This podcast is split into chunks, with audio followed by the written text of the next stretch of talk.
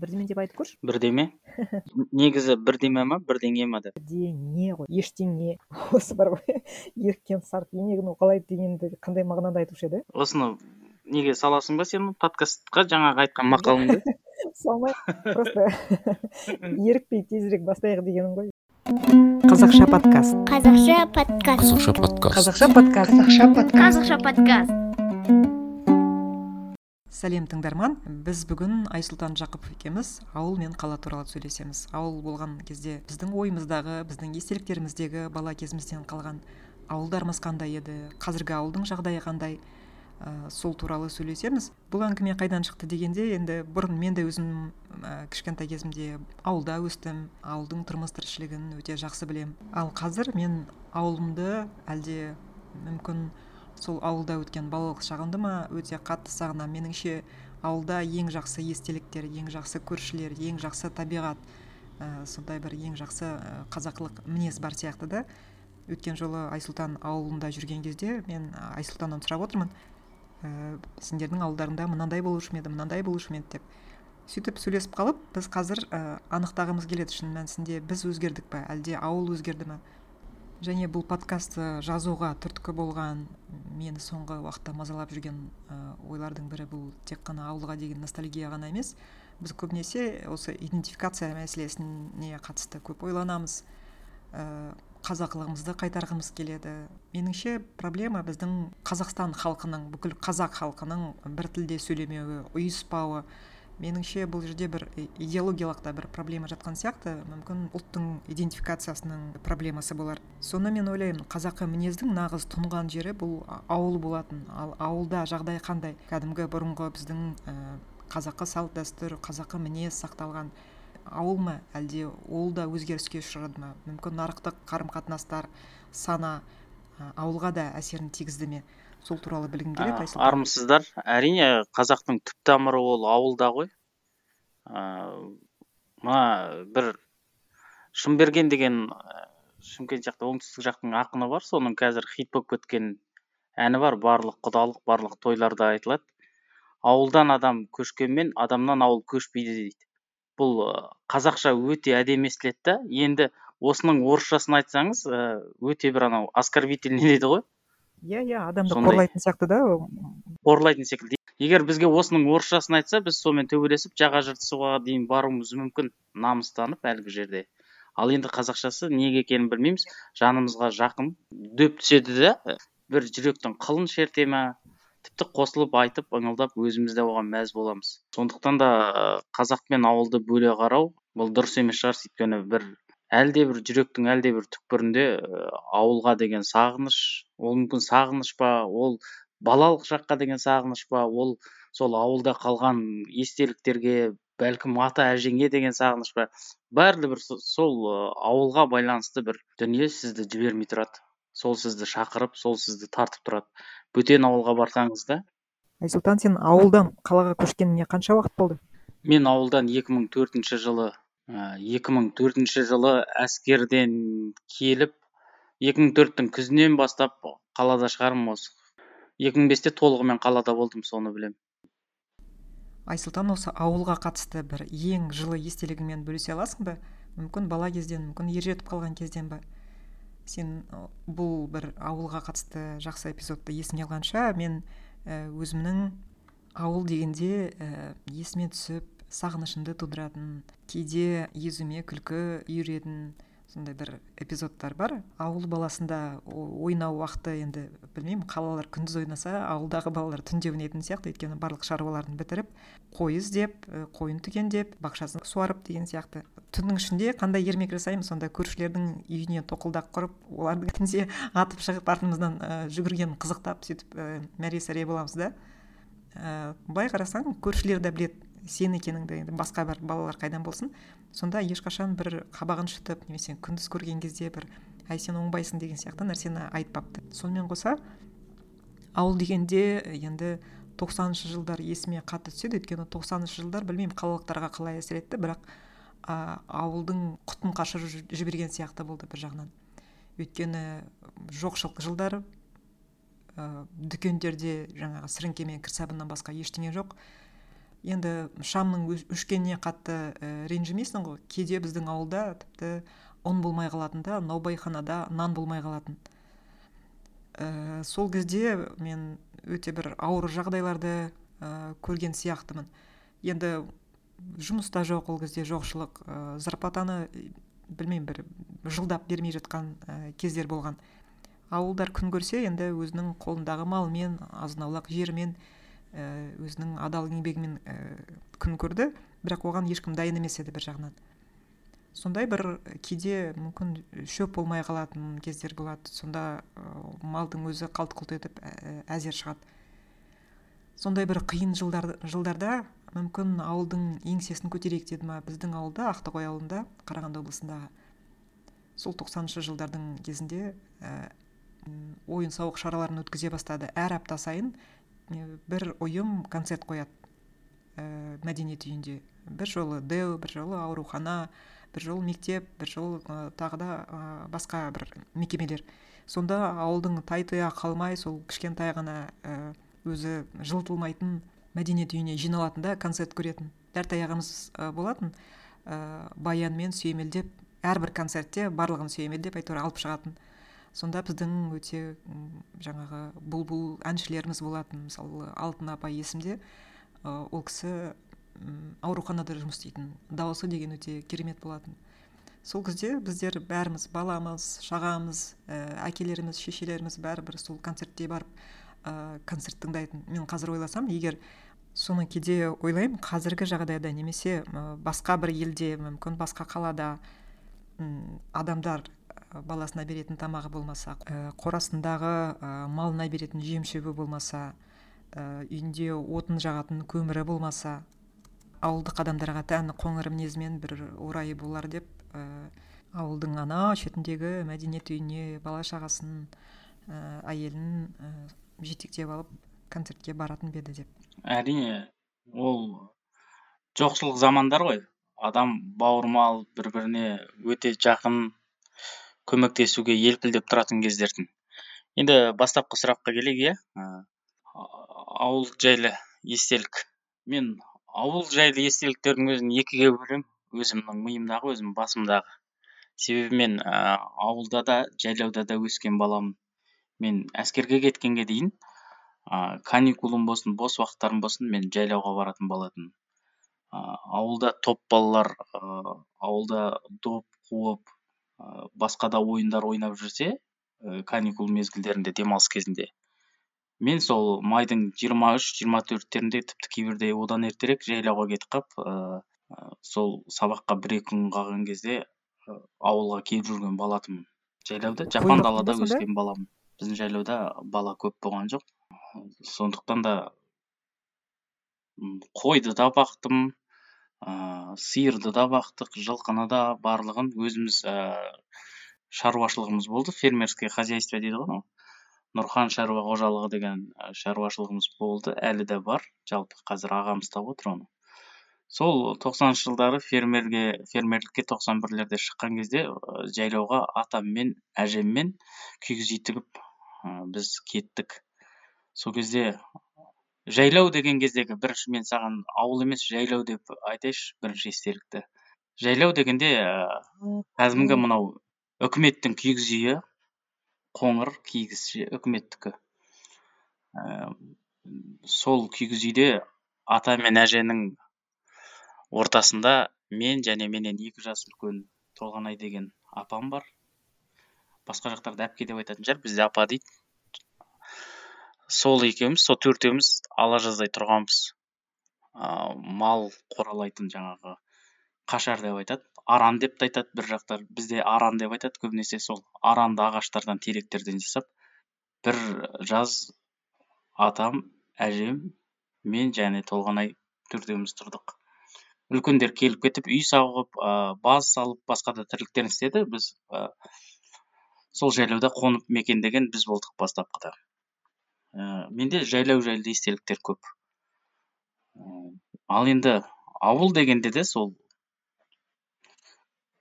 еске түсетіні арқа жарқа болып жүрген ағайын бір бірінің үйіне шақырусыз барып сұраусыз кіріп емін еркін жүру ә, сол бағанағы сол сөз басында айтылған тоқсаныншы жылдардың ә, тіпті көрші үйге барып жарты нан сұрап келу ертең біздің үйде нан піскен кезде сіздерге береміз деген әңгімелер сол.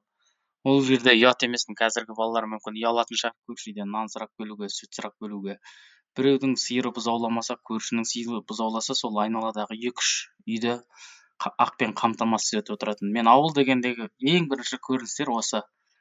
Осы дүниелер көз алдыма келеді ақпейіл ақеділ жандар.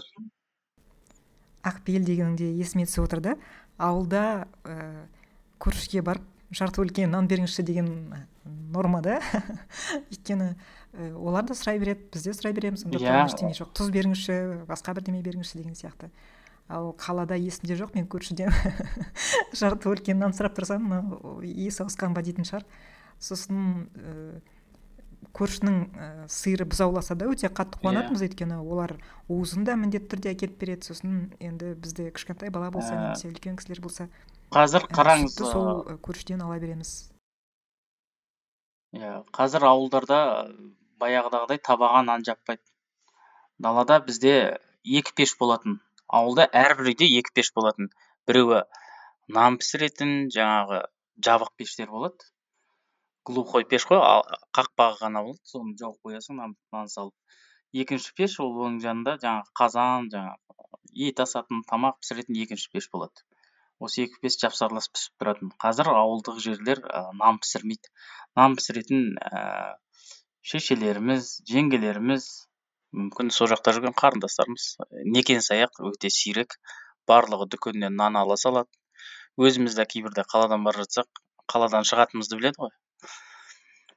Сол кезде шешелеріміз звондап жатады. Телефонмен бір екі нан әкеле салыңдаршы деп. Сонда ойлайсың қалай ауылдық жерде тұрып осындай күйге жеттік бұл әрине бір заманның дамыған да тұстары бар шығар. Адамдар ы уақытын басқа дүниеге бөліп ал біздің кезімізде сол ауылда біз кәдімгідей арқамызға кенеп қабіліп алып ыыы құрғақ тезек теріп кететінбіз. Тезек теріп әкеліп оны ыыы нан пешке салып жанына үй қойып жаңбыр жауып кетсе оны бір сол жерде жатқан палаткамен басқа дүниемен жауып жанталасудың барлығы бұл. Ауылға деген сағыныш бұндай эпизодтар көп. иә. сол үшін жаңбыр жауып кеткен кезде кейбірде сол ыыы сарай дейді құрттың бетін жабу деген иә ыыы тезекті жаба алмай су болып қалса сен ойнап кетсең әлде бір басқа жақта жүрсең су болып қалса ол, ол үшін міндетті түрде сөз естисің. Өзенге түсіп жүрсең басқа да оның барлығы қазір бір сағына еске алатын біздің балаларымыз түсінбейтін ауылда тұрып жатса да балаларымыз түсінбейтін дүниелер. Айсұлтан сіздерде де солай шығар бірақ ә, бізде көбінесе ауылдарда есік ә, жабылмайтын ну үйдің есігі. Кілттен жабылмайтын дегенім ғой. Түнде болмаса енді. Сонымен қоса мына шарбақтың қақпасы есігі. Үнемі ашық тұратын да енді мал yeah. Иә. шығып кетпесін деп жауып қояды оның өзі бір арқанмен немесе бір немен ысырмамен бір қоятын оның өзі сиырлар бір ақылды сиырлар болатын да мүйізімен жаңағы ілгекті ашып алатын енді бәрі дей алмаспын бірақ мен өз ауылымда қанша жыл тұрсам да енді сонда есігімізді қағып тұрған бір адамды көрмеппін да көбінесе ә, адамдар жаңағыдай дауыстап әй кім бар үйде деген сияқты кіре беретін қазіргі ауылдарда есігін кілттеп жаба ма адамдар? Жабады есігін жабады. Ә, бір жаққа кетсе құлыптап кетеді түнде іштен іліп жатады. Жоқ жоқ бір жаққа кеткенде емес мысалы үйінде жоқ күндіз ашық тұрады ашық тұрады есіктер. Ә, өтірік айтпай ақ қояйық енді. Бірақ дегенмен қазір барлық есіктер қаладағыдай темір есіктер ғой. Ашық тұрғанмен де өзі құлыптанып бүйтіп бассаң ашылады енді. Есікті тартып бассаңыз. Былайынан айқара ашылып тұрады деп өтірік айтпай ақ қояйын. Барлығының есігі кілтке жабылмаса да әйтеуір кірем деген адам ғашық қой. Мен айтқым келген бір дүние біз есік қана емес есік алдында мал қора барлығы жаңағы ашық шашық жататын еді ғой қой арам деген дүниелер бар. Кейінгі кезде көп ауылдарда малын түнде құлыптап есігін ә, сондай дүниелер себебі ұрлық көбейіп кеткен жылдар болды. Қазір біреудің қорасында қойыңызды да қалдыра алмайсыз. Сол замандарда бөтен қой іздеу а біздің қой біздің қызыл қошқар немесе анау ақбас қойымыз пәленнің үйінде қалыпты деп емін еркін отыра беретін. Ертеңінде өзіміз бөліп аламыз қой кезекте басқа да деп. Қазір үйте алмайсыз. Қазір қотаныңызды жаңағы қойды қоралайтын жеріңіздің барлығын құлыптап қоятын заман болды. Себебі бұның барлығы ауылда адамдардың күнкөрісі ғой. Бір қойыңыз қазір кемінде алпыс мың жетпіс мың сондықтан да адам өзінің ақшасын жоғалтқысы келмейді. Мал ол ауылдағы жүрген тірі ақша. Осындай дүниелер қазір ауылдағы өзгерістер міне. Бізде сол қой иә қой келгенде сосын бір жақсы бір сылтау болатын еді. Әдетте кейде далаға кешке қарай жібермей қалады бірақ қой келмей қалса өтірік қой іздеймін деп кетіп қаласың да сосын өтірік айта саласың а ана амантайдың үйінде екен қойымыз сіз деп сонау таңертең басқа жақтан шығып жатады да ақтоғайдан сол біздің ауылдағы маткеңнің үйіне қой іздеп келген сұмдық екенсіз матай деген ақсақал бар. Енді иә. Ой қой кезекті мен көп бағып көрген жоқпын. Себебі біз жаңағы тоқсан тоқсан бірде уже жайлауға шығып кеттік есімде жоқ. тоқсан бір болу керек. Ыыы енді оғанға дейін үйдегі ағаларымыз қой кезекке шықты ғой. Шет жағасын жаңағы қойды барып бөліп әкеу санап әкеу оның барлығын көріп үлгердім. алты жеті жасар баламын ғой. Одан кейін біздің өзіміздің жеке жайлау болды. Сол жерде қойды да бақтым. Ол жерде қой кезек деген жоқ күн. Ала жаздай сенің кезегің болды. Қойды да бағасың сауын сиырды жеке бағасың бұзауын жеке бағасың сол барлығын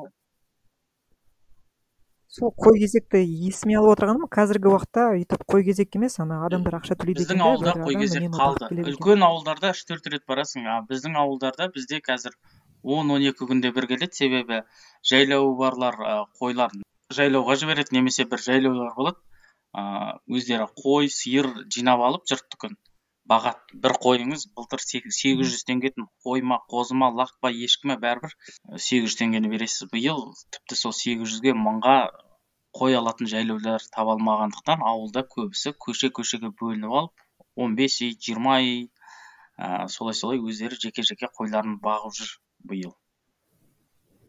Шамалы ал жер шамалы бар ма? Қой бағатын қазір жер қазір? ауылдық жерлердің барлығы біреудің шабындығы біреудің егіндігі дегендей ыыы үш төрт километр жүрсең біреудің егініне түсіп кетесің. Сондықтан да мал бақсаңыз қой бақсаңыз ыыы оның жаңағы сол артынан қалмай жүресіз. Баяғыдағыдай біздің жайлауларымыз да баяғыда ондай малды жіберіп қойып дүрмен қарап жатып бір бір сағатта бір шауып барып келіп деген әңгімелер қазір жоқ. Малдың соңында жүруіңіз керек. Себебі біреу бір көшенің қойы екінші көшеге қосылып кетсе бір ауылдың өзінде үш төртке бөлініп бағады ғой жаңағы.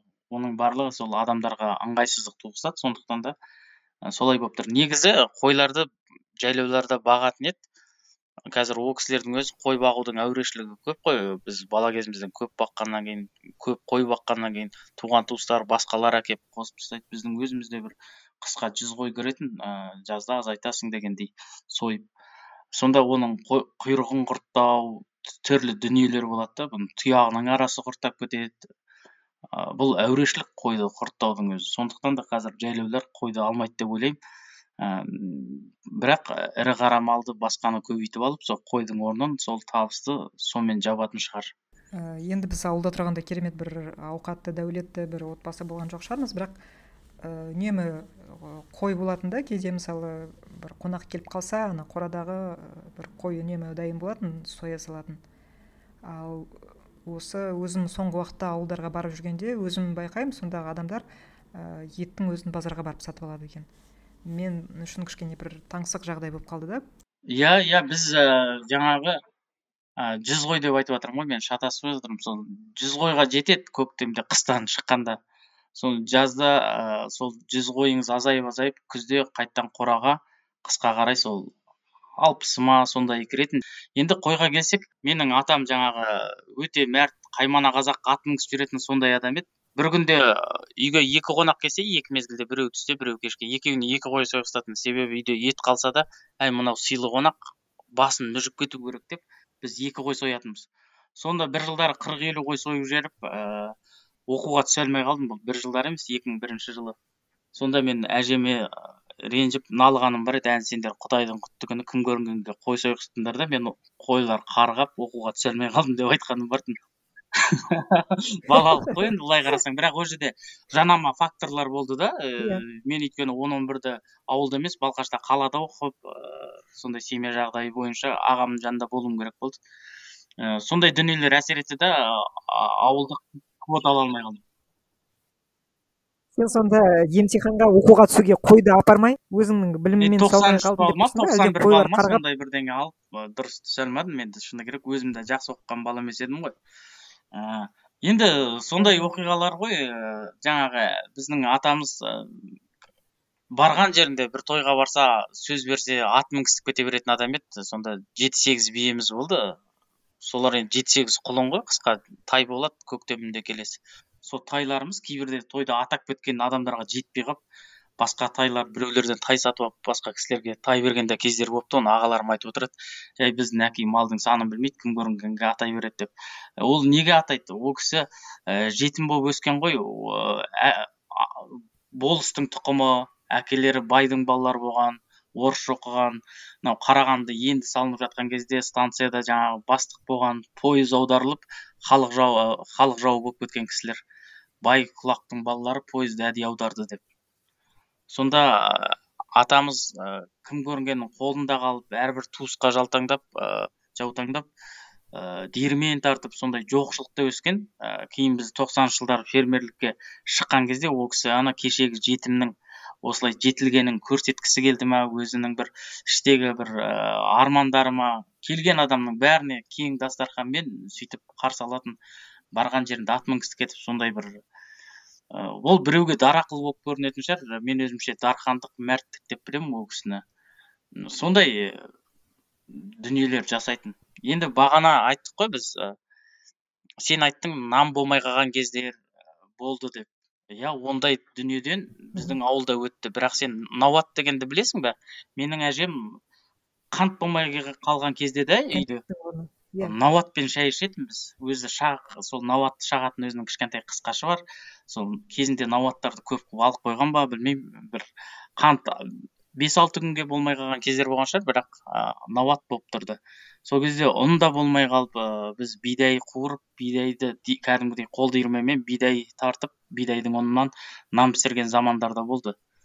М, бұл дегеніңіз ә, сондай бір тоқсаныншы жылдарда сексен тоғыздарда ма түсірілген деректі фильмнің үзіндісі бартын ә, ютубта фейсбукта аралап жүрді. Сонда осы қарағанды жезқазған ну бұрынғы жезқазған облысы ғой жезқазған облысында товарный пойыз өтіп адамдар жаңағы вагоннан нанға таласатын. Көрдің ба осыны? Сол біздің жаңарқа жезқазған өңірінің қазақтары. Сонда кәдімгідей маң дала егін ексе де дәл сондай қазақты сөйтіп пойызбен өтетін нанға қаратып қойған да замандар болған ғой. Ә, соның барлығынан үлкендер өтті енді біздің. Біз шет жағасын көріп қалдық. Онан кейін жаңағы дүкендерге нан келетін замандар болды. Ә, нанды пісіріп жейін десе ә, ұн жоқ. Ә, сөйтіп сөйтіп ә, кейін кейін бір тоқсан бестерге қарай бұл қалыптасып дұрыс жаңағы ұн да келе бастап ауылдың адамдарының кішкене көзі иә көзі ашыла бастады. ауылға бизнес келе бастаған есіңде ма? иә жаңағы алғаш бизнесмендер болған. жаппай фермерлікке шығып жатқан жылдары кейбір адамдар жаңағы диірмен ашып мельница ашып сол ы, ж- жұрттың еккен бидайын сол жаққа апарып ұн жасап сондай бизнестерін дөңгелетіп алған жігіттер болды иә. Иә бизнесмендер ол сол заманның қазір ы, шаруаларын дүрілдетіп отыр. Уақытында дұрыс ұстап үлгерді. Не істеу керектігін барлығын. Қазір енді медианы немесе бір әкімдердің ә, есептерін тыңдайтын болсаң ә, халыққа барлық жағдай жасалған сияқты. Міне саған субсидия міне саған жер ә, өздері жасамайды дегенді көп айтады да. Ал халықтың шынында да қазір қарасаң ә, ауылдағы ә, адамдардың ә, қораларында прям қой қоздап сиыр мөңіреп ә, тұрған жоқ көбінесе кейде малды тіпті ұстамайтын да адамдар жетерлік. Иә. Мүмкін сыртта ұстайтын шығар мүмкін басқа жақта. Ә, бақша ұстамайтын да адамдар көп. Ә, ауылдағы шаруаның азаюына не себеп болды деп ой- ойлайсың? Әлде адамдар ә, табыстың басқа көзін тапты ма? Әлде жер жетпей жатыр ма? Иә аз сеніңше жайылым жайылым жер аз жаңа ауылдың маңында көп мал жаңа ұстау тиімсіз. Сондықтан да жайлаулары бар адамдар кезіндегі жер алған адамдар сол жайлауына баз салып қора салып малын сол жаққа жібереді. Және жайлаулар бос жатпасын деп жұрттың малын да жинап алады. Ыыы қазір ауылдың адамдары барлығында техника бар ғой. Мысалы үшін көліктері бар басқасы бар. Жаңарқа мысалы өзім жаңарқаң болғаннан кейін айтайын біздің ауылдың адамдары мысалы үшін кейбір адамдар жиырма бес шақырым жердегі жаңарқада жұмыс істеуі мүмкін. Сондықтан да айлығы бар адамдар малын былай былай қоса береді өзі жұмыс істей береді. Сонымен өзіне ыңғайлы болуы мүмкін. Демек олардың да малын біреу тегін бағып Иә, жатқан жоқ олар да ақша төлеп жатыр. Жоқ тегін емес ақша ғой иә. Мал бағып жатқан адамдар да ақша тауып отыр иә. Қазір сіз қораңыздың артына шөп түсіріп жатсаңыз ешкімге көмектеспейді. Өйткені олардың өздері де өз шаруаларымен қолдары тимей жатады. Сіз үй салып жатырсыз ба үй шатырлап жатырсыз ба баяғыда адамдар келіп көмектесетін ауылдың адамдары. Қазір ы, біз мүмкін қалада жүріп сағынамыз ауылды. Ол бағанағы ауылға деген өзіміздің балалық шағымызға деген бір естеліктер жетелеп ауылды бізге сол қалпында елестететін шығар. Бірақ қазір ауылда барып сіз ауылға барып тұрсаңыз ауылдың бұрынғыдан өзгеше екенін ауылдың халқының да өзгергенін ыыы ешкімнің қолы бос емес екенін байқайсыз. Баяғыдағы мысалы үшін жылқының боғы мен қораның сыртын сылай салушы едік қой. Қазір ондай емес. Қазір ы, қораларының өзін шатырлап қояды сұмдық. Адамдарға қазір ыыы екі миллионға үш миллионға қора салады. Жаңағы шатырымен барлығымен жаңағы фундаментін құйып тұрып. Қазір ондай емес ешкімнің қолы тиіп жатқан жоқ. Бірақ аңда санда бір ауылға баратын адамға иә ауылдың адамдары құрақ ұшып барлығы бір қымыз ұсынып сөйтіп жүрген тәрізді болып көрінеді сіз екі үш күнге барсаңыз. Сол ештеңе өзгермеген тәрізді болып. Бұл ауылдың адамдарының пейілі өзгеріп кетті деген сөз емес. Ауылға да жаңағы капитализация жетіп ы, ауыл да бет алды дарақылана бермеу керектігін түсінді. Себебі і сізге барған кезде ұсынатын қымызы да сізге ұсынатын құрты да баяғыда қапшықпен пакетпен пакет пакет беретін еді ғой. Оның барлығын сатып қазір ауылдың адамдары ақша жасап жатыр. Менің жеңгем ыыы білмеймін енді әжептәуір кіргізтеді айына миллион кіргізтеді немесе бір жылына екі үш миллион кіргізтеді деп кесіп айта алмаймын. Бірақ сонымен күн көріп отыр? Сонымен өзіне қажетті үйіне қажетті мебельдерді басқаны сол өзінің ірімшік құрт қымызымен алады. Менің ағамнан сұрамайды ауылдағы мысалы үшін жеңгелерім. Өздерінің шаруаларын өздері дөңгелетіп сол бойынша үйіне керекті жиһаздарын басқасын алады. Ал енді ағаларымыздың шаруасы олар егінін жаңағы техникасын басқасын олар өзінің жаңағы шөбін сатып егінін сатып тағы басқа дүниелермен өздері нетеді үйдің шаруасына үйге керекті қажеттілікті жаңағы келіншектерінің яғни жеңгелеріміздің жаңағы сиыр сауып сол сүтін сатқанымен басқа да дүниелермен шығарып алып жатыр. Көп ауылдарда осы. Сондықтан да ауыл қазір бір біріне өтіп бара жатқан адамдарды баяғыда ей жүр қымыз іш деп шақырып алатын қазір ондай жоқ. Бұны мойындау керек. Өйткені ыыы не дейміз? Нарық бар барлығы түсінетін шығар бір бірін нарық қой нарық барды иә. Нарық барды. Тіпті былтырғы жылдары ыыы бұрында қалаға келіп сататын еді қымызды. Былтырғы жылдары қаланың адамдары барып өзі ауылдан қымыз алып кететін. Ауыл ы тіпті мұқтаж болмай қалды қалаға қарай қымызды жіберуге. Себебі ковид жаңағы пандемия кезінде қымызды іздеушілер көбейіп ыыы қымыз жаңағы қымыздың енді ауыл ғой енді түбі. Сол ауылға алдын ала тапсырыс беріп қойып өзі барып алып кететіндей болды. Бұрындары ііі жаңағы жаздың кезінде үш жүз төрт жүз теңгеге иә үш жүз төрт жүз теңгеге түсіп қалатын жаздың ортасында қымыз қарбыз шығатын мезгілдерде әсіресе. Өткізе алмай қалатын. А былтыр сол сегіз жүз мыңнан құлаған жоқ. сегіз жүз теңге мың теңгемен сол бойы кетті. Өйткені былтырғы жыл сондай жыл болды. Қымызға басқа дүниеге сұраныс көп. Айсұлтан онда мысалы қарасаң былай ауылдың шығаратын өнімдері сұранысқа өте ие бағасы да жоғары. Демек ауылдың жағдайы жақсарып келе жатыр ма әлде? Ауылдың, қалай сен мысалы жиі барып көресің ғой сырттан көресің. Ауылдың жағдайы жаман деп мен сізге айтпаймын. Ауылдың жағдайы өте жақсы. Ауыл мұғалімдерінің де жағдайы жақсы. Мысалы үшін қала мұғалімдерінен гөрі ауыл мұғалімдерінің ақшасы кішкене көп дегендей. Ыыы енді білім жағы оған сәйкес келіп жатыр ма? Ол жағын білмеймін енді ол. Білім министрінің шаруасы шығар ал жастар көп па ауылда? Бірақ та неге екенін білмейміз. Ыыы осы пандемияға дейін ауылдың жастары ауылда қалып қоюға қорқатын. Бірақ пандемия ауыл тірліктің барлығы ауылда екенін көрсетті. Тіпті мұнай да басқа да емес қазақстанды ауыл шаруашылығы алып шығатындығын бізге көрсетті. Жалпы малға бөлінген ақшалар басқалар ыыы қазір сенің құрдастарың қаншасы ауылда? біздің құрдастардың олардың ыыы тұрмысы қандай? міне мысалы үшін біз қалада үшеу-ақпыз Ы, біз сексен төртінші жылғылар өзіміздің класстан қалада үшеу-ақпыз ыыы ауданның басында немесе жанындағы бір кеніштерде ауылдық жерлерде қалып қойған жігіттер көп. Ыыы солай. Ал тіпті сексен үшінші жылғылар бізден үлкендер. Олар тоқсан пайызы біздің өзіміздің ауылда қалып қойды жаңағы. Мал шаруашылығы егіншілік басқамен де айналысады. Біздің класста кішкене ұлдар аздау болдық. Сондықтан да біздің класстың көрсеткіші ешқандай не бола қоймас. Бірақ ауылдағы қалған жастардың осы ә, сол отыз отыз бес жастағы отыз жеті жастағы отыз бен қырықтың ортасындағылар ау деймін. Ең жас буындар ауылда қалып тұрақты тұратын. Ыыы енді пандемиядан кейін өзгермесе ә, ауылға деген тартып тұратын дүниелер ыыы білмеймін. Баяғыдағы біздің кезімізде бір қалада оқып жүрсек үш күн демалыс болып қалса ауылға асығушы едік қой. Қазіргі жастар осы пандемияға дейін байқағаным. Ауыл ы, ауылға қайтуға асықпайды. Бір дипломын алса екі үш күнге барады қалада қалып көшеде жаңағы ы, балмұздақ сататын жерге немесе бір кафелерге даяшылыққа басқаға бірдеңеге жұмысқа тұрып алып ы, жігіттер кондуктор болып басқа болып өздеріне өздері жаңағы киім табу басқа да жүріп тұратын ақшаларын табуға еңбекке бізден гөрі қабілетті ауылдың балалары біздің заманымыздағы ауылдың балаларынан гөрі қазіргі заманның ауылдың балалары еңбекке қабілетті. Біз үш ай жазда ауылға келіп бос жүріп сол күнде кешке дискотека дегендей. Қазір ондай емес. Ауылдың балаларының өзі ебі келгендері қалада жұмыс істеп ыыы басқа жағынан ыыы көзін тапқандар ауылда малын өсіріп сондай дүниелерге қазір көңіл бөлінді. бұл әрине өте жақсы. Әрине бұл бірақ жақсы. менің көңілімде бәрібір бір алаң бар да өйткені ауылға иә мұғалімдер баруы мүмкін. Ә, мысалы болашақ біт- бітірген жастардың арасында ауылға барса өтелімі тезірек аяқталады иә мемлекетке ә, қызмет етудің.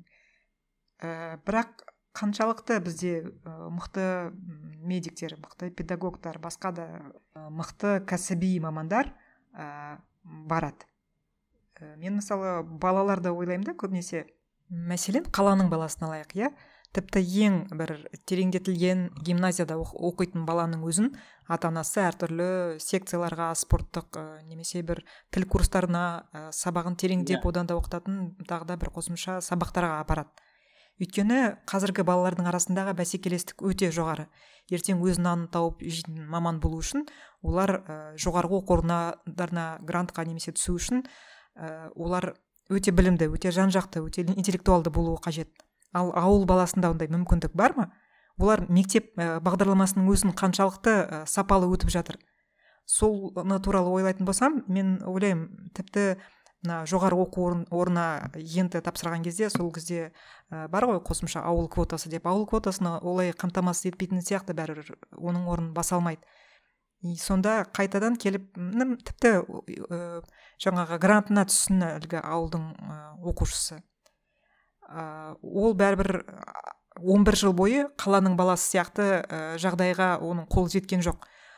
И сосын көбінесе қарасаң ә, оқу дипломын қолына алғаннан кейін қайтадан барып немесе даяршы болуы мүмкін немесе ә, таксист болуы мүмкін. Сондықтан ә, бір 10-20 жылдан кейін елестетіп көрші ауылдың баласы не істейді бізде? Балмұздақ сата ма таксист бола ма әлде фермер бола ма? Қайда барады ол? Білмейміз. Мен мүмкін қалада оқысам жетістіктерге э, молырақ жетер ме едім себепті себебі өзімнің қабілетім жаңағы сол кездегі білемін да ы, мектепте оқып жүрген кездегі. Ә, оның барлығы енді қазіргі балаларға да әрине ауылда қиын. Өйткені жаңағы сен айтқандағыдай түрлі үйірмелер жоқ бір практикалық дүниелерде ұшырасуы ы, қиын. Ілу де бір ауылдарда ғана ағылшын пәнінен жақсы оқытады. Тіпті біздің кезімізде орыс тілі сабағының өзін біз жаңағы қазақша оқытатынбыз иә мына упражнениені бүйтіп жазып алыңдар дегендей мынаны бүйтіп көшіріп алыңдар мындай мындай дейді да соның барлығын ыыы қазақша түсіндіріп жүретін бізге тоқтамай орысша сабақ түсіндірген жоқ мысалы үшін. А, ағылшыннан қиын көп ауылдарда кейбір ауылдарда мысалы қазір көбісі айтады балалар ә, ауылда тең мүмкіндік жаңағыдай иә там енді жоқ ғана бір бағдарламамен оқиды иә бір бағдарламамен оқиды бірақ бірақ айтады қазір интернет бар ғой бәрін і онлайн жасауға болады ғой деген сияқты. Бірақ оны өзің білесің ғой интернеттің өзі кейде ұстайды кейде ұстамайды иә иә кейде ұстайды кейде ұстамайды. Оның барлығы жалған ыыы көрсеткіштер екенін пандемия кезіндегі онлайн оқуда көрдік қой. Біздің ауылда мысалы үшін ыыы ватсаптан келген оқулықтың жаңағы суреттерін басқасын жүктей алмайды біздің ауылдың интернеті. Сондай бір қиындықтар туды. Тіпті ыыы кейбір ауылдарда ыыы сөйлесуге ғана жарайтын интернет бар. Кейбір ауылдарда і жаңағы телефон байланыс. Кейбір ауылдарда ол да жоқ дегендей. Оның барлығы иә.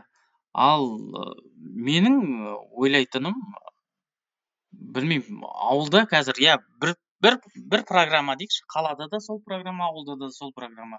Бірақ қаланың ыыы ұстаздары конкуренцияға жаңағы көріп тұр. Маңайындағы мұғалімдер параллель класстағы мұғалімдер қалай жұмыс істеп жатыр ол сосын сол бәсекеге қабілетті болады. Ал кейбірде біз ауылдың мұғалімдерін кейбірде бір он күндік бес күндік деген бірдеңелерге жібергені болмаса онда аса қатты бәсекелес жоқ. Ол сондықтан да тырыспайды. Оның басқа да жұмыстары бар. Кешке сиырын сау керек ол да басқа да проблемалары бар. Сондықтан балаға бәрібір ол қаладағыдай оқыту оқыта алмайды балаларды олар. Ауылдың балалары да дәл қаладағы балалар секілді оқи алмайды. Өйткені олар да жаңағы бір сағат сабаққа уақыт бөлсе екінші сағатында жаңағы ыыы қойын қамау керек анау керек мынау керек дегендей дүние. Бие сауысады ә, бір сағат сайын бір жарым сағат сайын. Осындай факторлар бәрібір ауылға әсер етеді. Тағы өте қатты әсер ететін бір фактор ауылдың оқу жүйесіне. Бір ә, білеміз мысалы үшін бір туысқанымыздың үйіне бір ауылдасымыздың үйіне келін түседі. Ол сосын сырттай оқып алады оның қалай оқып алғанын қандай дәрежеде оқығанын білмейміз. бір жылдары дипломы болады да бір екі жылдан кейін жүріп жаңағы ауылда мұғалім болып кетеді. Білмеймін физикадан болсын орыс тілі болсын қазақ тілі болсын әйтеуір. Енді қазақ тілге сұраныс жоқ қой. Ауылдан шыққан қыздардың көбісі қазақ тілін оқып жатыр ғой. Бір узкий мамандықтарды да оқып алуы мүмкін. Сосын солай ақша алып жүруі мүмкін. Оның сапасы қалай оның барлығына мен кішкене шыны керек. Алаңдаймын и қорқам осының бір көрсеткіштері шығады. Алдағы бес он жылда шығады. Он жылда сол буындар уже алды бір маман бола бастайды. Оқуын бітіріп басқасын бітіріп жұмыстарға тұра бастайды. Сол кезде бізде тек қана қаладан шыққан балалар жақсы жұмыстарға тұруға мүмкіндігі жоғары бола ма деп қорқам. Әрине совет заманында да ауылдан шыққан ілуде біреулер жаңағы мәскеуде оқып әйтеп бүйтіп ә, тесіп шыққан ол таланттар болды. Мен өзімнің әкеме айтсам да мен ұлымды қалада оқытамын деп мен бірінші классқа шейін ауылда оқыды ғой. Ә, даярлық сыныбын бәрін. Мен осы факторларды айттым. Осылай да осылай ауылдың білім жүйесіне менің көңілім толмайды деп ііі енді сонда әкем айтады е кезінде де мәскеуге барып оқығандар болды ғой әр жағында түйсігі болса алып шығады деп. Түйсігі бар ма жоқ па білмеймін бірақ балаға қалада оқытқанды қаладым. Ол ы, бір жерде жарып шығады осы ғалым болып кетеді дегенім емес. Әйтеуір қалада оқыса баланың кішкене өмірге деген қабілеті басқасы болады. Ауылдың да өзінің беретін дүниесі бар балаға. Жаңағы үй тірліктері басқасы барлығы. Физикалық дамуы білім иә білім жағынан жаңағы кішкене ауыл бір саты төмендеу ау деп ойлаймын. Егер олай болмаса кешірім сұраймын. Ә, бірақ мен өзім көзқарасым дәл солай мұғалімдер мүмкін кейбір жерлерде тең дәрежеде беріп жатар бірақ баланың жаңағы алаңдаушылығы ауылда көп. Қалада ода балада график болады қазір. Тоғыздан он екіге дейін боксына барып келеді. Он екіден бірге дейін ағылшынына барып келеді. Екіден алтыға дейін сабағына барады деген сияқты кестелерін жасап қойып қадағалап аласың ал ауылда ауылда ол мүмкін емес. Иә ауылда мүмкін емес. айсұлтан сен жаңа айтып жаттың ғой ауылда интернет жоқ деп. Иә. Сонда есіме түсіп кетті да адамдар осы бұрын бізде ауылда өте көп айттайтын да кемінде бір он шақты үйге барып айттайтын. Ал қазір ауылдағы адамдар айттай ма? Әлде қалалық адамдар сияқты бір біріне бір открыткаларын ватсаптан жібере салып сөйтіп отыра бере ма?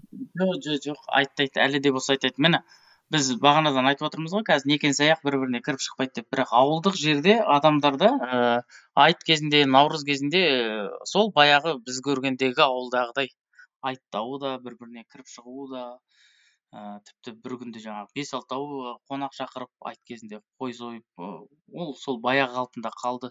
Наурызда болсын басқада болсын бірінші бір үйден шығып бір адам шығып ана үйге соғып ол үйден үш адам болып келесі үйге соғып ол жақтан жаңағы алты адам болып сөйтіп сөйтіп бүйтіп ой тамаша керемет көрініс иә? Иә сондай бір керемет көріністің соның барлығы сағынатыным мүмкін сол бір қазақылықты сағынатын шығармын мүмкін мүмкін бір риясыз сондай бір біріңе қонаққа барып ешқашан неге келдің? деп ә, сұрамайды ғой енді қалада болса не жүріс? деп хотя бы айтады ғой иә мен қалада өтірік айтпаймын. Ыыы соңғы кезде тіпті айтпаған да жоқпын. Қазір өзіміздің туыстардың үйіне баратын болсақ та звондап баратын халге жеттік қой. Баяғыда германияда солай екен деп айтушы едім. Сол кезде бір қызық бір сұмдық әңгіме болып көрінетін еді масқара иә иә қазір майқұдықтың өзінде солай енді. Біз германия болып кеттік қой деймін.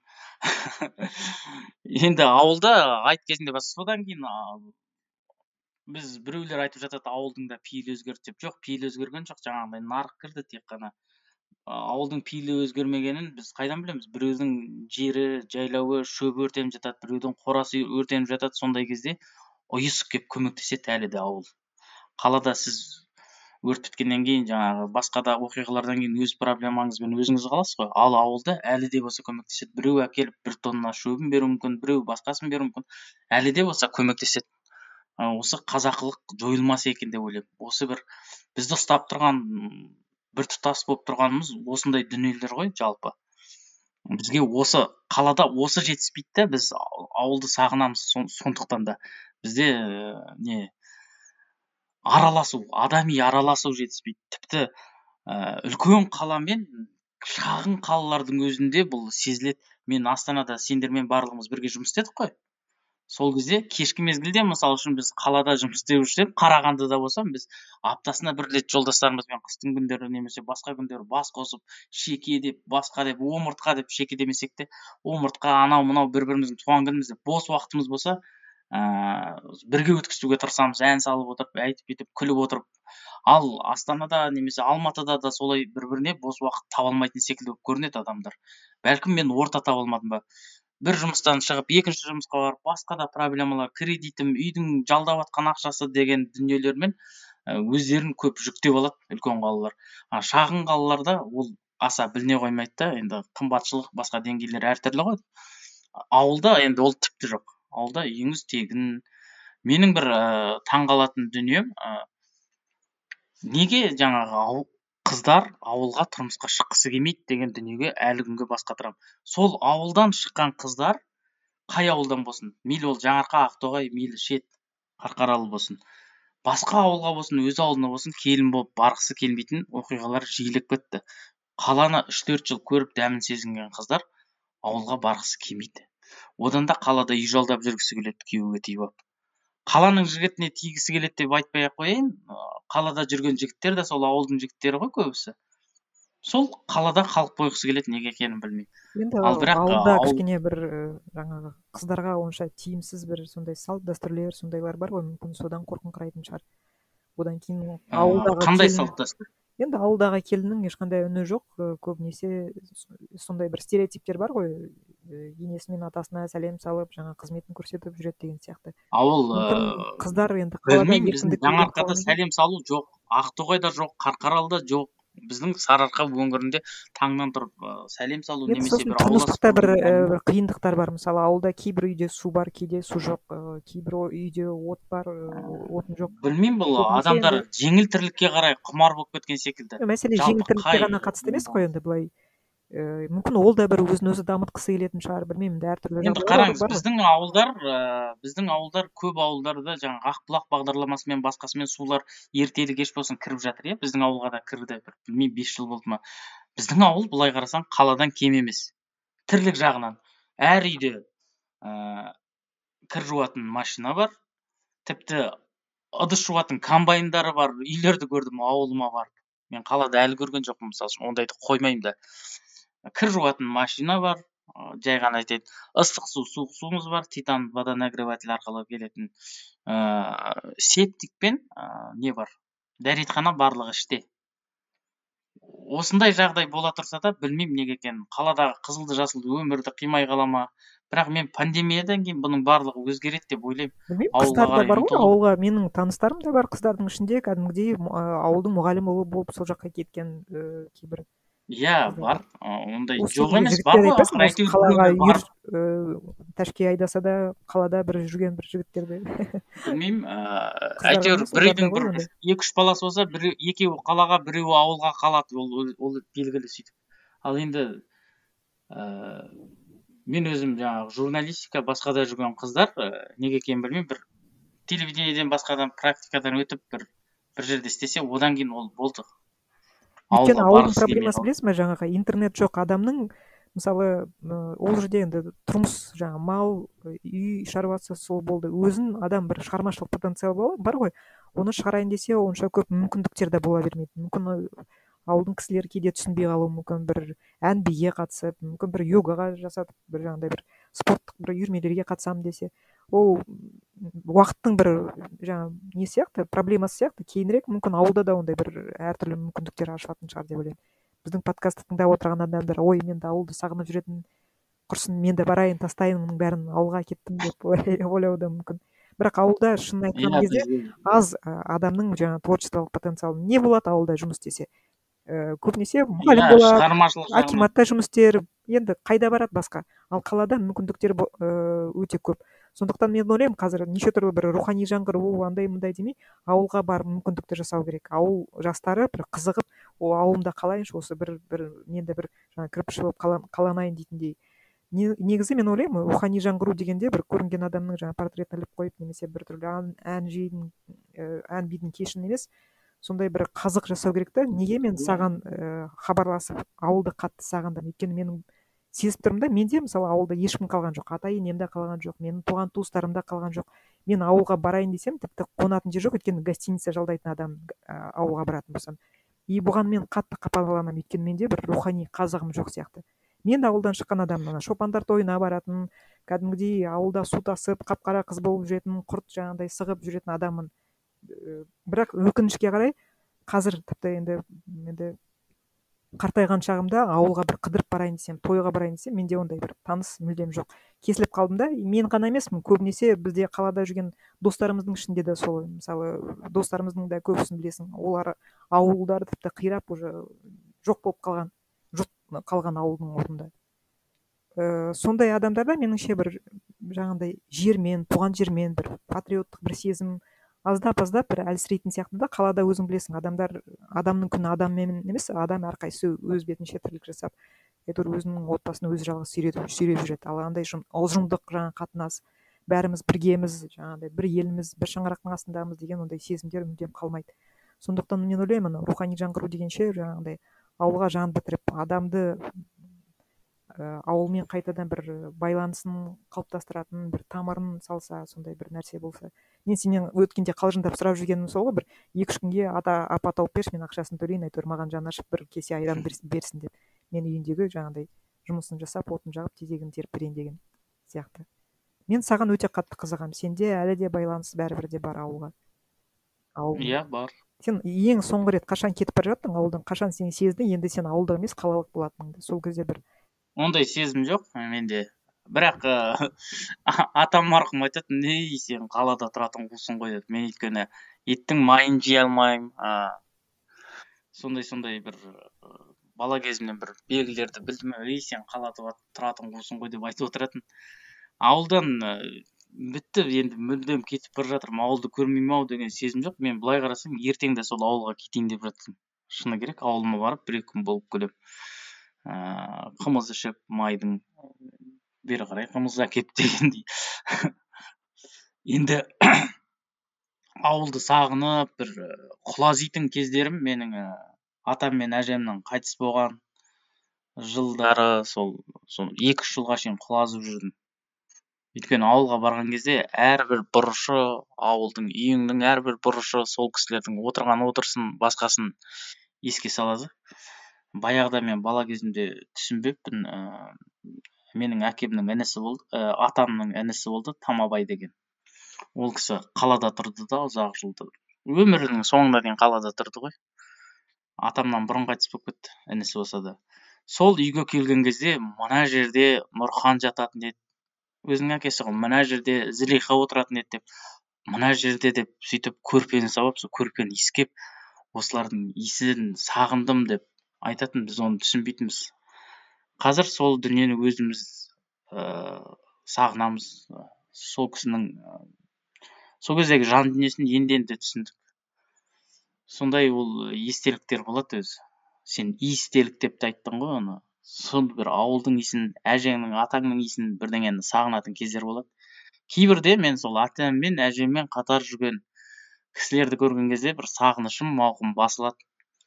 Мысалы үшін ауылда елеукен деген ақсақал бар матағай деген ақсақал бар. Сол кісілерді көргенде өзім атамды көргендей боламын. Гүлбаршын тәте зинеш тәте деген кісілер бар.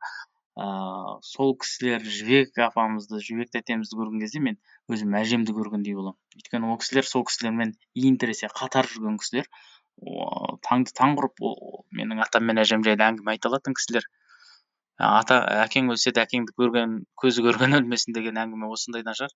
Кейбірде соларға деген сағынышты осындай бір. Басқа үлкен кісілерден алып басасың. Сол кісілердің ыыы құшақтап маңдайыңнан сүйгені кейбірде сол ыыы менің әжем жаңағы біздің ауылдың адамдары қалаға больницаға түсіп қалса маған қалада жүргенде айтатын ей анау жібек шешең ана ауруханада жатыр басына операция әйтті бүйтті бар бар кел деп. Сонда түсінбейтінмін мен? Жібекке қатысым қанша менің анаған қатысым қанша деп сөйтіп. Енді қалада жүрген баламыз ғой жас баламыз ғой. Бірақ енді сонда да жаңағы бірдеңе бірдеңеңді алып барасың ғой. Сөйтсең оның шапағатын кейін көреді екенсің. Кейін ауылға бір барғаныңда сол кісілер саған сұраусыз өз өзінен екі үш литр қымызын беріп қаймағын беріп тағы басқасын беріп сол үлкен кісілердің жаңағы айтқан көрсеткен бағдарымен жүрсеңіз адамның күні адаммен жаңағы енді ауруханада жатқан адамның өзі бір мүсәпір болады ғой шыны керек. Ол кісінің де туған туысы жоқ емес бар. Ол кісі де бір тамаққа басқаға мұқтаж болып жатқан жоқ. Бірақ жаңағы ілтипат көрсету. Сол ілтипатты көрсетсең ыыы ол да бір адамшылықтың белгісі екен. мен соңғы рет ауылда болған кезде біз мен тоғызыншы сыныпқа енді бар ә, барған кезде біз ақтоғайдан жезқазғанға қайтадан көштік та и сол кезде жүктердің бәрін жинап болдық. Ыыы бірақ сезінбеппін ауылдан кетемін деген сезімді сосын автобусқа отырдық. Енді жезқазғанға қарай жүретін автобусқа. Сол кезде есімде құрбыларым да шығарып салды. Сосын анау бір итіміз болған анау бір ауылдың екінші шетіне леонда қалмай келді жаңағы и сол кезде бір терезеден достарыма қарауға да бет жоқ прям. Қатты жылағаным есімде мамам соны айтатын неге жылайсың қазір? Келесі жылы келесің ғой деп. Бірақ сезген сияқты болдым да сол соңғы рет екен. Одан кейін ауылға мүлдем бармаппын одан кейін білмеймін ауылдық достарымызбен де әңгіме жараспай қалды ма әйтеуір бірдеме болып кейін. Болады ғой енді ауылдағы балалар қалалықтарды менсінбей қалады. Білмеймін қашан өзім қалалық болып кеткенімді бірақ класстастарымның өзі мені қабылдамай қойды в общем мхм. Сонымен ауылмен байланысым үзіліп қалды өкінішке қарай.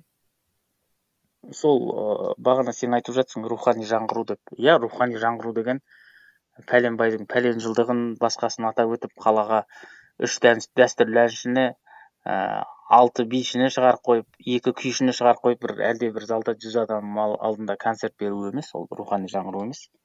Сен бағана дұрыс айтып жатсың сондай дүниелер ауылдық жердегі кейіпкерлер ауылдың адамдарын шығару ыыы тіпті қаланың адамдарын сол ауылға апару соның сол ғой.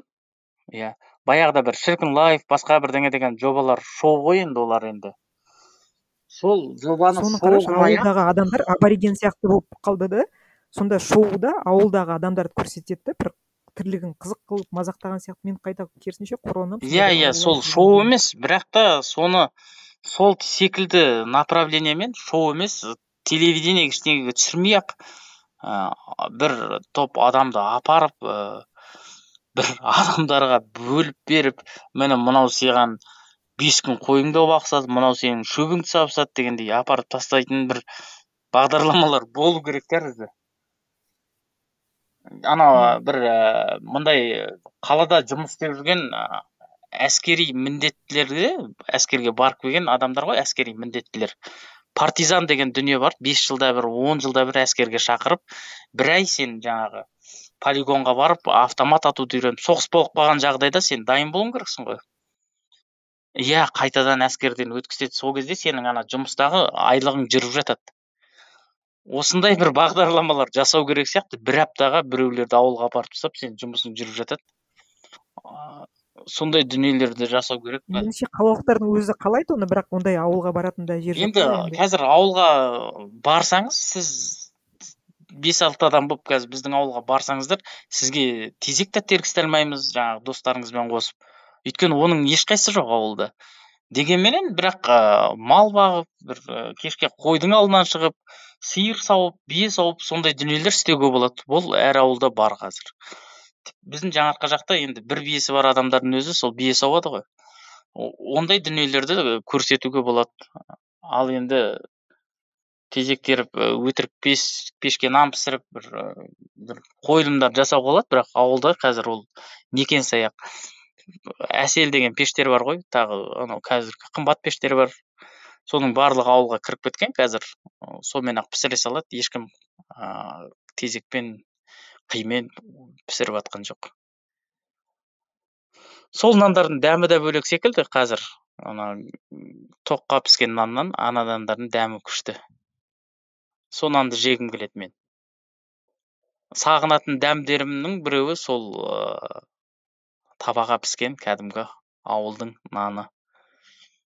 Енді сағынатын көріністердің біреуі менің бала кезімде жаулық киіп жүретін кемпірлер үлкен бәйбішелер әлі де бар тын ауылда.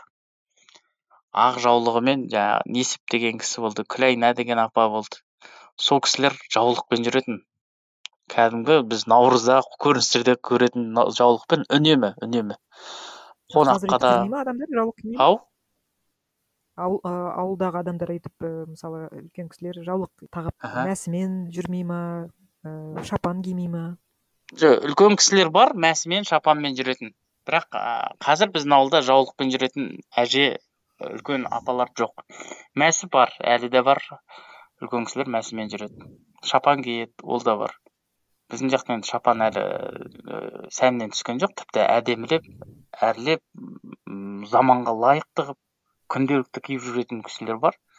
Қымбат шапандар. Меніңше көпшілік і, ауылдарда сондай сияқты қайта шапан керісінше оралды ауылға Иә, иә. камзол сол шапандар.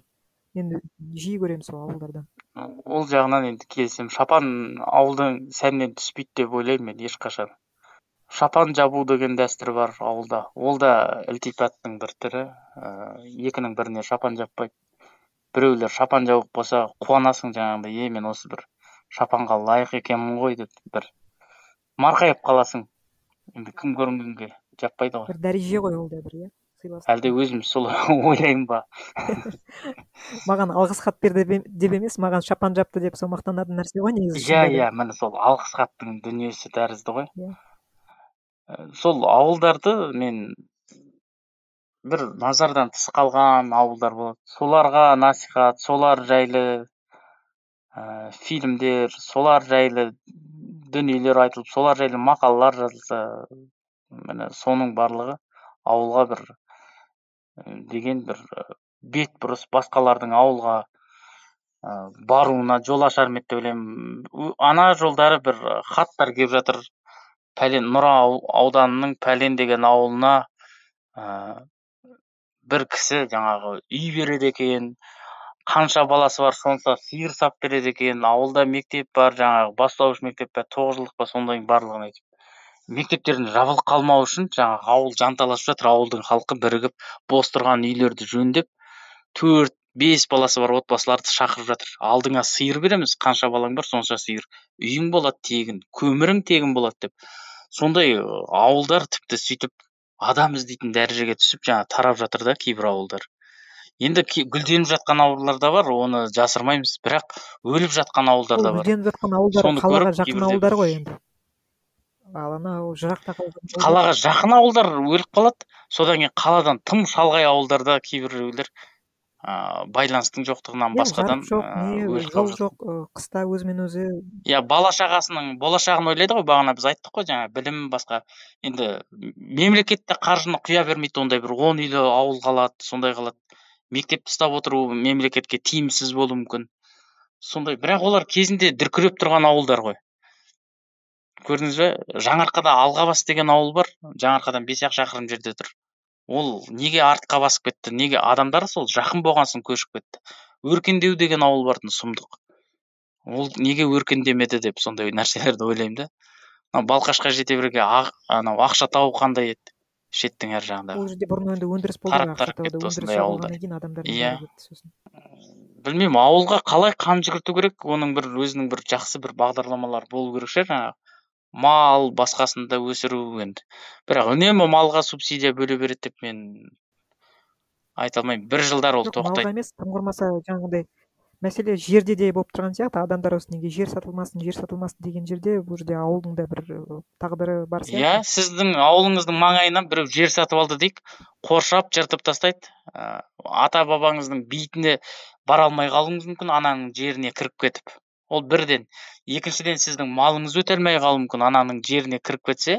Қазір ә, біздің бала кезімізде біздің егінге жұрттың малы түсіп кетеді ауылға ең жақын жайлау едік біз. Он километр жерде ме уже біздің егін басталады мына жағымызда ауыл отыр өзіміздің. Сол ауылдың малшылары кейбірде айырылып қалады сонда бір жүз шақты сиыр түсіп кетеді сондай. Соны қуып шығасың айдап бересің кейбірде өтірік көз көз көз қылып қамап қоясың бір үш төрт сағат. Бірақ соны жібересің. Ал қазір ондай жоқ. Қазір сіздің жылқыңыз біреудің егініне түсіп кетті ма? Болды. Жүз мың дей ма екі жүз мың дей ма бір бағаны айтады. Соны бересің еріксіз. Өйткені сен жылқыңды түсіріп алдың ғой. Сондай нәрсе. Ол егінмен күн көріп отыр. Қазір о жақтарынан енді ә, жер деген мәселе. Егер біреу жерді сатып алып жатса расында да білмеймін қырық тоғыз жылға болсын мүмкін жиырма жылға болсын. Ә, сонда ол жаңағындай қоршап тастап бұл жер болды мен мына шөп бәрі менікі деп иемденіп тіпті ол бос жатса да ол жерге малын жаймай ақ қойсын. Просто бос жатса да жұрттың малын кіргізбейтін дүниелер болады. Қада қойып қаршақ қоя ма? Жоқ әлде жырып қазып тастай ма? Өзі біледі ғой ол. Өйткені өзі сол жердің ол қырық тоғыз жыл болсын жиырма жыл болсын сол жердің қожайыны сол болайын деп тұр. Сондық тұрғыдан мен енді ә, жердің сатылуына өз басым сол жағынан қарсымын. Ал енді жерін дөңгелетіп отырған бір адамдар болады. Шаруасын дөңгелетіп отырған маңайына көмектесіп отырған. Сондай жігіттердің арендасын созып отыруға неғұрлым жеңіл созуға ә, қайтадан жерді аукционға шығармай қайтадан өздеріне жалғауға немесе баласына жалғатуға мүмкіндіктер беру керек. Бос жатпаған жұмыс істеп тұрған. Бұны бұл жерде мемлекеттің жаңағы адалдығына ғана сенуіміз керек та мемлекеттегі отырған ә, жаңағы басшылардың атқарушы органдардың соны қадағалайтын. Адал отырған жігіттердің жерін аукционға шығарып жіберіп басқа біреуге бармақ басты қол қыстымен сатып жіберсе көз көз көз қыстымен. Онда ол дұрыс болмайды. Онда бір ауылдық жердің адамдары да массовый протесттерді жасауды үйренеді деп ойлаймын. Менің ағам да басқасы да бар ауылда олардың өзі алаңдайды осындай дүниелерге. Бар олардың алдында малы бар балалары не ішемін не киемін деп уайымдап отқан жоқ. Бірақ осындай дүниеге ауылдың адамдары да алаңдай бастады. Оны жасырмауымыз керек. Осы бар ғой. Айтшы осы ауылдың адамдары нені армандайды сен достарыңнан или ауылдағы адамдардан сұрайсың ба олардың вот арманы не? Ыыы білмеймін олардың арманы жалпы өзімде арман қалды ма? Мен тіпті білмеймін. Жұрттың арманы. Жоқ кейін кезінде бір керемет білмеймін ауылдағыларымыз ы ақшасын жинап жинап жинап сосын бір қаладағы қыдырып бір жоқ болатын немесе бір білмеймін ауылдағылардың бір ыыы ешкімге бөлісе қоймайтын армандары болатын шығар. Осылай осылай малымды өсіріп ақшамды жинап балаларыма астанадан тағы немесе қарағандыдан бір үлкен қалалардан үй алып қойсам балаларымды оқытсам деген сондай адами жаңағы пендеви қажеттіліктерден туған ғана арман шығар. Әйтпесе былай шетелге барсам басқасын көрсем әйтсем бүйтсем мына бір шетелдің мына бір мұражайындағы мынандай дүниелерді көрсем деп армандамайды ау сол енді ауылдың қарашы адамдары. мысалы адам ауылдың адамы барынша еңбек етіп терін төгіп кәдімгідей ақшасын жинады дейік. Неге ол баласына қаладан үй алып бергісі келеді? Енді ауылдың өзі керемет болса өзінің көсегесі көгеріп отыратын болса қайта керісінше одан сайын балама осы ауылдан бір соғып берейін бірдеме басқа бірдеме деп ойламай ма? Ол баласына ма басқаға ма үй алып қойып ол үйді жалға беріп отыратын адамдар да болады. Ыыы мен баламды қа- қалаға жібере салайын деген оймен емес әйтеуір алып қоя береді ғой. Ыыы өйткені ауыл адамдарында бір кезіндегі қалып қойған өкініш бар да. Тоқсаныншы жылдарда бір бұзауға бір тайыншаға үйлер келген ғой. Менің әкем де біздің әкеміздің буынындағы адамдардың барлығы айтып отырады кезінде осы жерде бір бір сиырға үйлер алмап едік. Үйге алсақ та бір бұзаулы ие болып еді деп кезінде алмағаннан кейін ол әңгіме айтылмау керек. Ыыы сондай бір дүниелер болып қалмасын кейін бір қандай аумалы төкпелі замандар болып кетсе қалада да бір үйіміз тұрсын деген дүниемен алатын шығар. Менің айтып отырғаным сол да мен оларды адамдарды бір і кінә тағып отырған жоқпын. Олар неге қаладан үй алуды армандайды деп. Мен ойлап отырғаным бәрібір де қаладағы ауылдағы тұратын адамның өзі жүз пайыз сенімді емес әлі. Елу жыл отыратынына оның ұрпақтарының өзі жүз жыл осы жерде отыратынына меніңше бір қорқыныш үрей бар да ауыл бір рет шайқалғаннан кейін мысалы тоқсаныншы жылдарда екі мыңыншы жылдардың кезінде ыыы ауыл бір рет қаңырағаннан кейін олар әлі де қорқады да сол үрей қалып қойған сияқты. Ауылдың болашағы бар ма иә, жоқ па деген иә. сияқты. Сосын ол қаладан билікке деген билікке деген сенімсіздік те бар. Билік жаңағы қалаған кезде олардың жерін де тартып алуы мүмкін қалаған кезде ә, біз саған кезінде субсидия бергенбіз деп малын да тартып алуы мүмкін өздеріне қарай заңдастырып. Әлде мүмкін жаңағы жарығын өшіріп ой бұл ауыл өзін өзі ақтамайды деп баяғы экономикалық тиімді емес деп одан да алып тастай ма? Иә ол да бар ол да бар. Ол мүмкін жаңағы үлкен ауылдарда қорқыныш аздау шығар ондай риск.